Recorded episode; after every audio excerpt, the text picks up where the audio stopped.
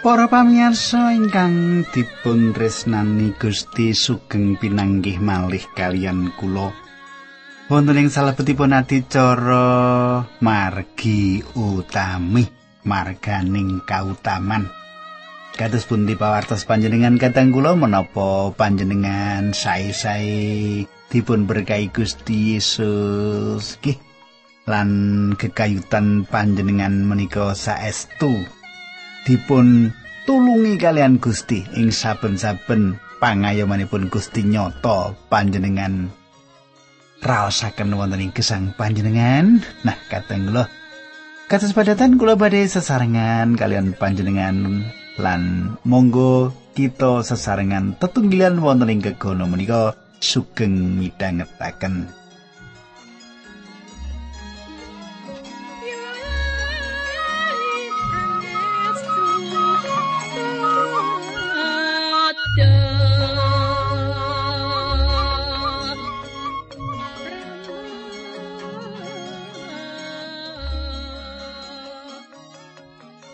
Para pamirsa, menapa panjenengan tasih kemutan menapa ingkang kula aturaken duk nalika pepanggihan kepengker, nggih kula ing pepanggihan kepengker menika kita sampun nyemak kados pundi pambalela ingkang ngidapi-dapi ingkang dipun tindakaken Absalom dumateng Daud bapakipun. Tasih kemutan panjenengan kata kula ngantos Daud kapracondang saking damparing kepraben. Makaten lan wonten ing peperangan antawisipun prajuritipun Daud kalian prajuritipun Absalom Absalom kepanggih tiwas wonten ing palagan. Nah kata kula kados pundi salajengipun saderengipun kita lajengaken kita badhe ndedonga nanging saderengipun ndedonga kula badhe ngaturaken salam kula. Dumateng Bapak Margono nggih. Menika Pak Margono penika Menawi kula sampun kepanggih panjenengan aku tahu yang penikel niki Pak Margono. Mugi-mugi panjenengan sampun midhangetaken sampun setunggilan kalian kula ing wanci menika. Syukur menawi panjenengan samenika setya ngibadah lan kesang panjenengan sampun karibah dados sae. Nggih Pak Margono. Gusti berkahi panjenengan monggo kita tumungkul kita ndedonga Dokane Rama ingkang ada dampar wonten kraton ing kasuwargan kawula ngaturaken gunging panuwun. Menawi wekdal menika kawula saged tetunggilan kalian sederek-sederek kawula ingkang setya tuhu midhangetaken adi cara menika. Kawula nyuwun Gusti berkahi kawula sami wonten ing pepanggihan menika Gusti awit saking pangandikan paduka. Kawula nyuwun tuntunanipun Gusti linambaran asmanipun Gusti Yesus Kristus kawula ndedonga haleluya amin.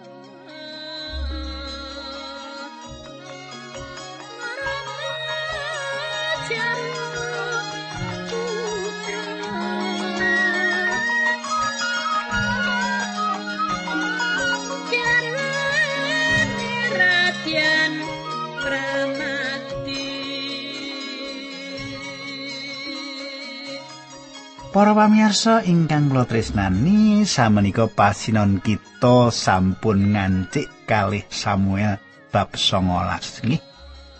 Kalih Samuel bab 19 panjenengan saged bikak kula mawi basa pedinan nanging mangke menawi kok ora pas nggih. Kula badhe maosaken ing basa formalipun basa standar ingkang kita agem wonten ing gereja. Kadang kula ingkang kula tresnani pawartos kegayutan pejahipun Absalom panci dados manahipun Daud ajur muwur.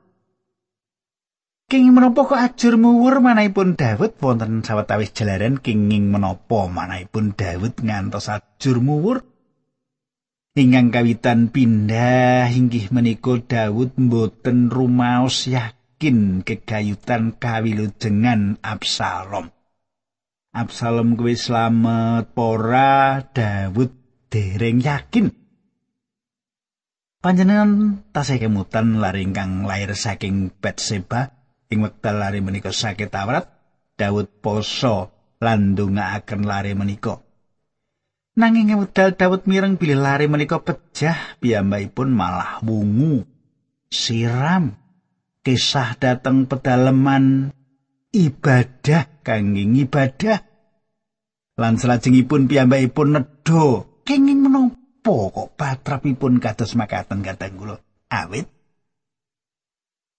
awit David yakin wonten pundi mapanipun lare menika? Lare menika wonten kasuwargan nanging tumrap Absalom tumrap Absalom kangginipun Daud Absalom dereng kawilujengaken. Absalom dereng nampi karahayon. Inggih awit saking menika Daud sanget kadodok manahipun lan saestu prihatos Kadang kula menawi panjenengan tadi jejere wong Kristen. Duwe anak ora percaya nggih diken percaya Gusti Yesus ora gelem. Lan lari menika pecah wah ditangisi ndrini. Awet boten badhe kepanggih mangke. Wonten kasuwargan gitu. Tiang sepuh sing sedo awet ora gelem percaya. Wah anake nangis ndrini. Nanging menawi sampun sami pitados ora usah kuwatir benjing kepanggih malih nggih Wongge, nggih pramila menawi panjenengan wonten keluargane sing urung percaya karo Gusti Yesus ya dikandani. Nek mboten purun pripun Pak Puji? Ayo wis nek ora gelem ora isra tanggung jawab gitu. Nah, kula waosaken bab 19 ayat setunggal ngantos kalih kali Samuel. Yoab dikabari yen Raja Daud muwun sarta sedih banget merga saka Absalom Mulane kamenangan ing dina kuwi malih dadi kasusan tumrap saking prajurit Daud merga padha krungu yen raja muwuni putrani. Para pamirsa dinten menika kedahipun dados satunggalipun dinten ingkang ngrayakaken kamimpangan ageng. Lan dinten menika saged dipun wastani dinten ingkang kebak asukarna kedahipun. Awit menapa? Awit mangsa sampun saged dipun kawonaken. Nanging kadang kula tumrapipun Daud dinten menika sanes dinten kamimpangan. Nanging satunggalipun dinten ingkang kosok wangsul saking menika. Mboten satunggalipun kamimpangan dinten menika inggih menika satunggalipun dinten ingkang mrehatosaken lan angel dipun gambaraken. Gir gir pirung slamet. Mati nyawamu nang ngendi to? Gir gir nangis. Ayat iku kanthi sesideman wong-wong mau padha bali menyang kutha kaya dene prajurit sing kisinan keplayu saka peperangan Para pamirsa, para prajuritipun Daud badhe abingah-bingah awit para prajurit kala sampun saged menangaken peperangan para prajurit menika nilaraken papan perang. Sasampunipun mimpang lan wangsul dhateng Yerusalem nanging nanging wekdal semanten kahanan para prajurit menika kados-kados dipun kawonaken mengsah kaya-kaya dikalahake mungsuh. King menapa kados mekaten? Awit Absalom dipun pejahi lan awit saking pejahipun Absalom menika dados jalanan manahipun Daud ajur muwur. Ngir anak bu Absalom lele. Durung ndek kuwi kuwi slamet kaya wis teko ing pati to ngir ngir besok ning jaman akhir ora bakal ketemu kok ngir ngir Tenturipun ngaten nggih nangisipun nggih Tak terus ke ayat papat. Sang raja nutupi pasoryane sarta muwun soro. Oh anakku. Anakku Absalom, Absalom, anakku. Panjenengan kata sakit. Kados menapa ageng katresnanipun Daud dumateng larenipun menika. Ayat kang salnem Yuab sowan raja lan matur. Ing dinten menika panjenengan damel. Isining para prajurit panjenengan. Inggih tiang-tiang menika ingkang sampun damel sugeng panjenengan. Sugengipun para putra sedaya garwa saha selir panjenengan. Panjenengan tresnani tiang ingkang sengit dateng panjenengan nanging sengit dateng tiang-tiang ingkang tresnani panjenengan.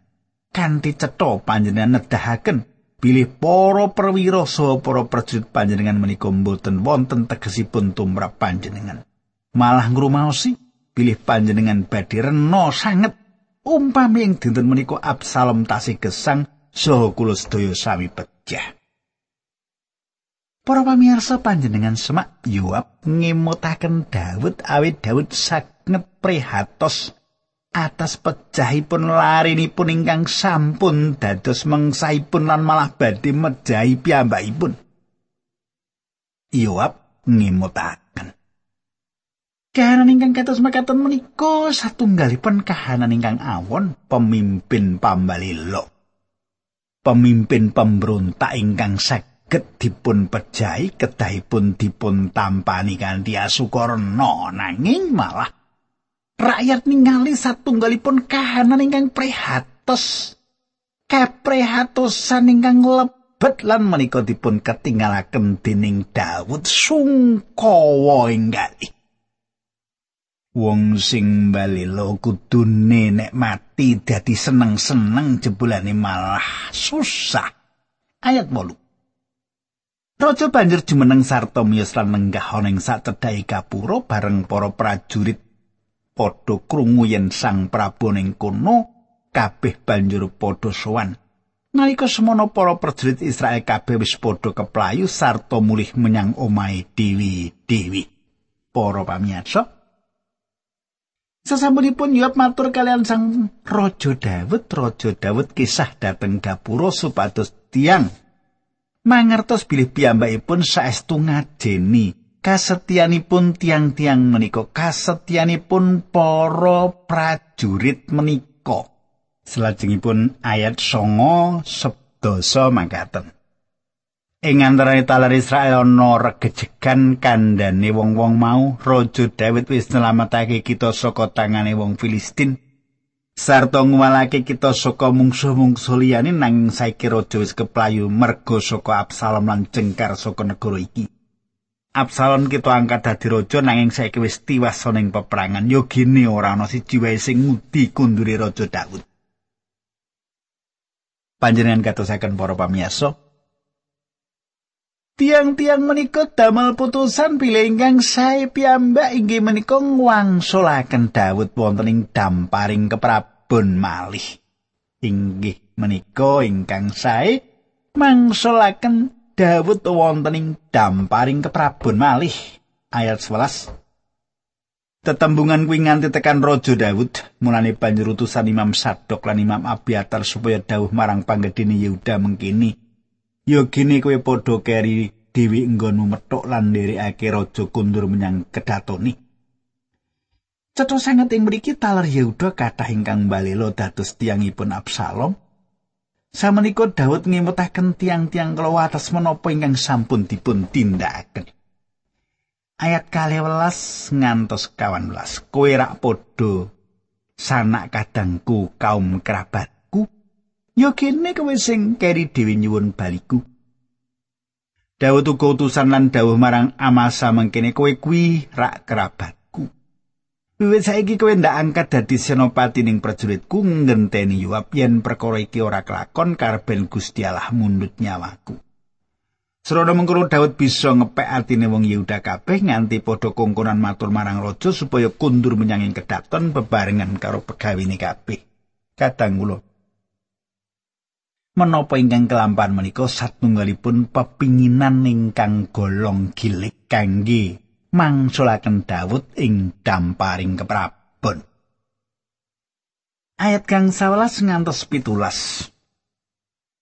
Raja banjur budal lan tekan Kaliaden ing wektu kuwi wong-wong Yehuda wis tekan ing Gilgal perlu metuk raja lan nderekake tindake sadrone nyabrang Kaliaden mau Simei anake Gira wong Benyamin kuwi nggawa wong talar Benyamin sewu lan inggal-inggal teko bebarengan karo wong Yuda mau perlu ngurmati raja mengkono uga Siba abdine Saul karo anake lanang 15 lan kaulane 20 wis nyabrang kali Yarden sadurunge raja rawuh. Katang kula Simei sampun ngipati-pati ing wekdal Daud mlajeng dhateng sak njawinipun Yerusalem. Samenika piyambakipun gadah kekajengan dados tiang ingkang kawitan ingkang mapak Daud wangsulipun dados raja. Kula lajengaken ayat 18 ngantos likur makaten suraosipun. Wong-wong mau padha mbiyantu nggone raja sakadang warga padha nyabrang sarta nglakoni apa kang dianggep prayoga. Nalika Raja Daud arep nyabrang kali Simei sujud ing ngarsane lan matur, "Mugi kula sampun ngantos dipun galih tetep lepat. Mugi panjenengan boten menggalih menapa ingkang kula lampahi nalika panjenengan tindak saking Yerusalem." Kulo sampun ngrumaosi bilih kulo damel dosa. Milanipun ing antawisipun taler-taler ingkang manggen ing sisih ler, kulo ingkang rumiyin piyambak metuk Sang Prabu ing dinten menika. Bareng Abisai anake Seruya krungu mengkono mau banjur matur, langkung prayogi simai hukum pecah. Mergi sampun ngipati-pati panjenengan, mongko panjenengan sampun dipun pilih dening Allah. Kadang kula Dawud inggih menika tiyang ingkang remen nandukaken kabecikan piyambakipun menika tiyang ingkang gampil nyukani pangaksami. Nah, menika perlu ditiru nggih. Dadi wong sing gampang ngapura kaluputane pepadane kuwi pancen tentrem. gitu. Ayat 13. Nanging Daud ngandikani Abisai lan Yoab kakangne, "Aja melu-melu yo gini kowe padha gawe susahku." Ing dina iki aku dadi raja meneh ing Israel sarta ora kena ana wong Israel sing dihukum pati. Para pamirsa. Dawud lega bilih Gusti Allah mangsulaken kalengganipun. Kathah tiang Kristen ing jaman samenika ingkang ngejaraken perkawis-perkawis salit saged dados daya pengaruhipun. Nanging sejatosipun kita gesang wonten ing salebetipun godho alit menika lan tetep ngladosi Gusti. Inggih menika ingkang kedah kita tindakaken. Nek kena gudha aja mandek pelayanan, gitu. Pelayanan iku ora mandek margo gudha. Gudha diperantasi, mekaten nggih. Ojo kok wah mengki mawon nek cobani kula pun rampung kula ngladosi mele ya kapan rampungi gitu. Ayat 33 ngantos 44. Raja banjur dawuh marang Simai, aku sing tanggung yen kowe ora bakal dihukum pati. Mephiboset putune saluga teka metokake raja dheweke ora misuwi sikile. Ora nyukur jenggote lan ora ngumbah sandangane wiwit raja Daud jengkar saka Yerusalem nganti kondur ngasta kamenangan. Katang kula. Mephiboset awet rumaos kormatipun ingkang inggil dumateng Daud. Piyambakipun boten purun bangkang sesarengan tiang-tiang ingkang balela menika piyambakipun tetep setya dumateng Daud lan sadangunipun menika piyambakipun poso lan ndongaaken Sang Raja. Ayat selangkung 6 likur pitu likur wolikur ngantos tigang dosa kalih. Makaten surasipun. Nalika mepi boset teka saka Yerusalem perlu metokake raja, Raja ngendika Mephiboset, "Yogine kowe ora melu aku."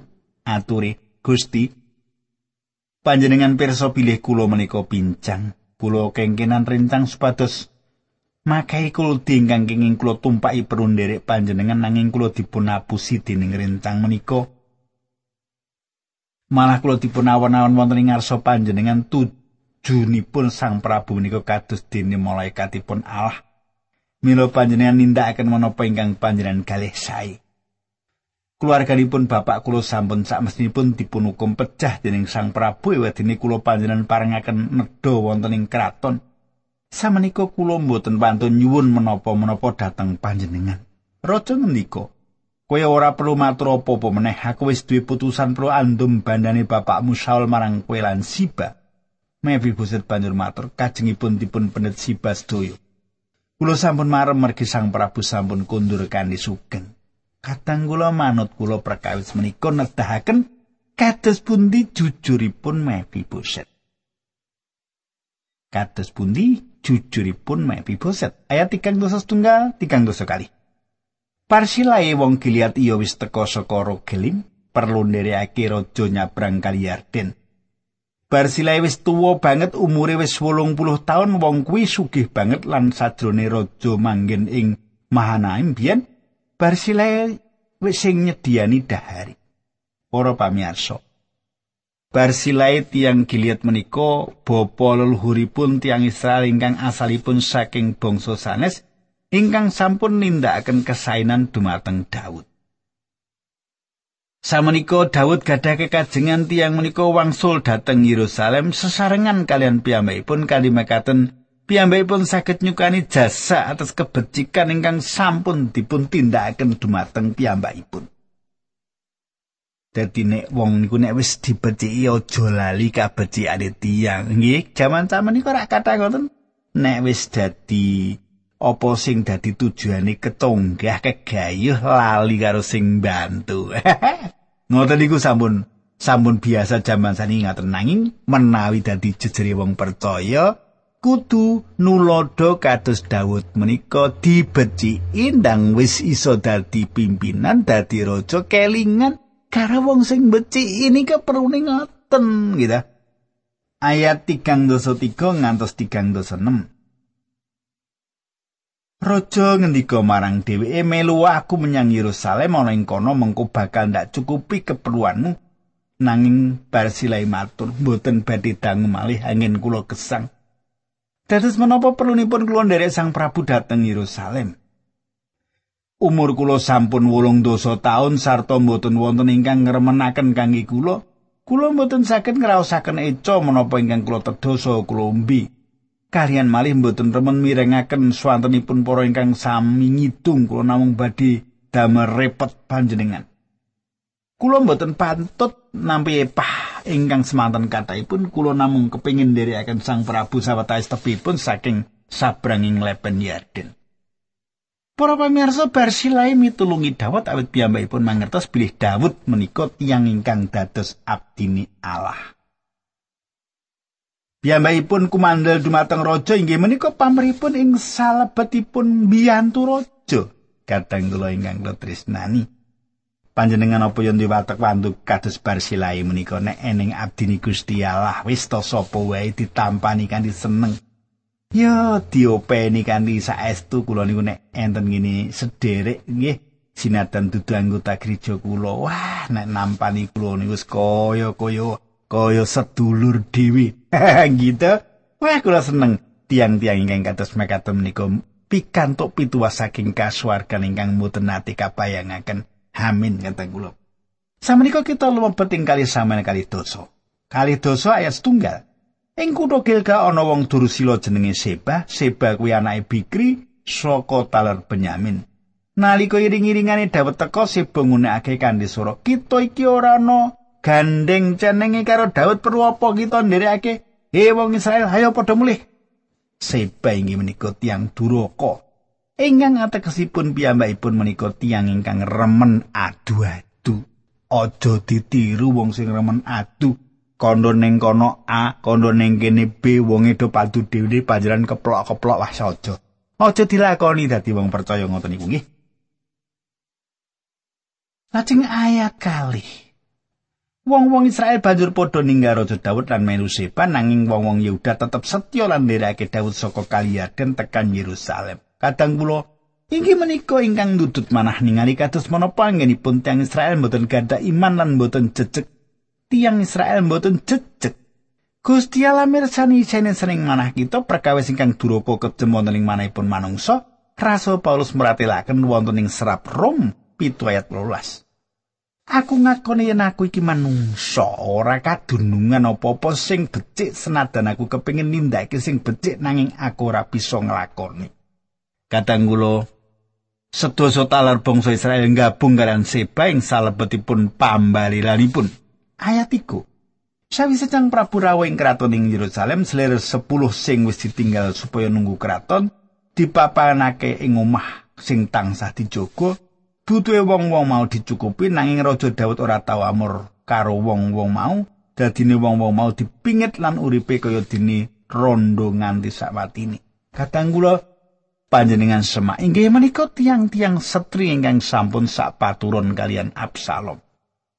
Ayat sekawan Raja dawuh marang Amasya wong-wong Yehuda padha klumpukna lan padha mrinyo bebarengan sakjroning telung dina. Para pamirsa salesipun Amasa menika pemimpin pemberontak kabawa Absalom sasampunipun kakawonaken Daud malah ngangkat Amasa dados panglima perang gentosi Yuab. Ayat gangsal 6 pitu. Amasa banjur lunga plung-lumpake wong-wong Yuda nanging ora bali wektu sing wis ditemtokake.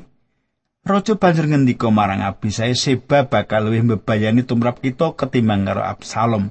Mulane nggawa prajuritmu lan Seba oyakan supaya aja nganti ngebroki kutha-kutha sing ana betenge sarta aja nganti bisa lolos. Yuwab wong Kreti, wong Pleti sarta para prajurit liyane nuli padha mangkat saka Yerusalem ngoyak Seba.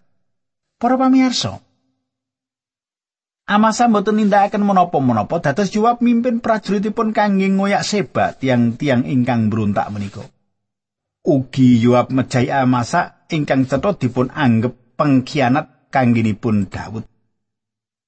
Pasal menika dipun tutup kanthi kelajenganipun jawab ngoyak tiang seba ing wekdal seba pados pengayaman ing kota Abel lan prajurit sampun siap nyerang kita menika kanthi tujuan nyepeng piyambakipun tiang setri ingkang gadah kawicaksanan nderek cawi-cawi. Seba dipun percaya dening penduduk Abel. Mesti kemawon perkawis menika dados jalaran rampungipun pemberontakan menika. Nanging perkawis menika mboten mungkasi kangelan ingkang dipun lampahi Daud. Nanging sedaya coban menika mboten adamel Daud ngersula. Daud mangertos bilih Gusti sawak paring disiplin dumateng piyambakipun. Ampun gadah pikiran Daud sampun uwal saking dosanipun. Nanging Daud tetep nresnani Gusti Allah. Monggo kita tumungkul kita ndedonga. Duh kanjeng Rama ing swarga kawula ngaturaken gunging panuwun kawula sampun midhangetaken sabda pangandikan patuko kula suwun sepatus pangandikan patuko satu cocok kangge kesang kawula. Dinambaran asmanipun Gusti Yesus Kristus kawula ndedonga haleluya. Amin.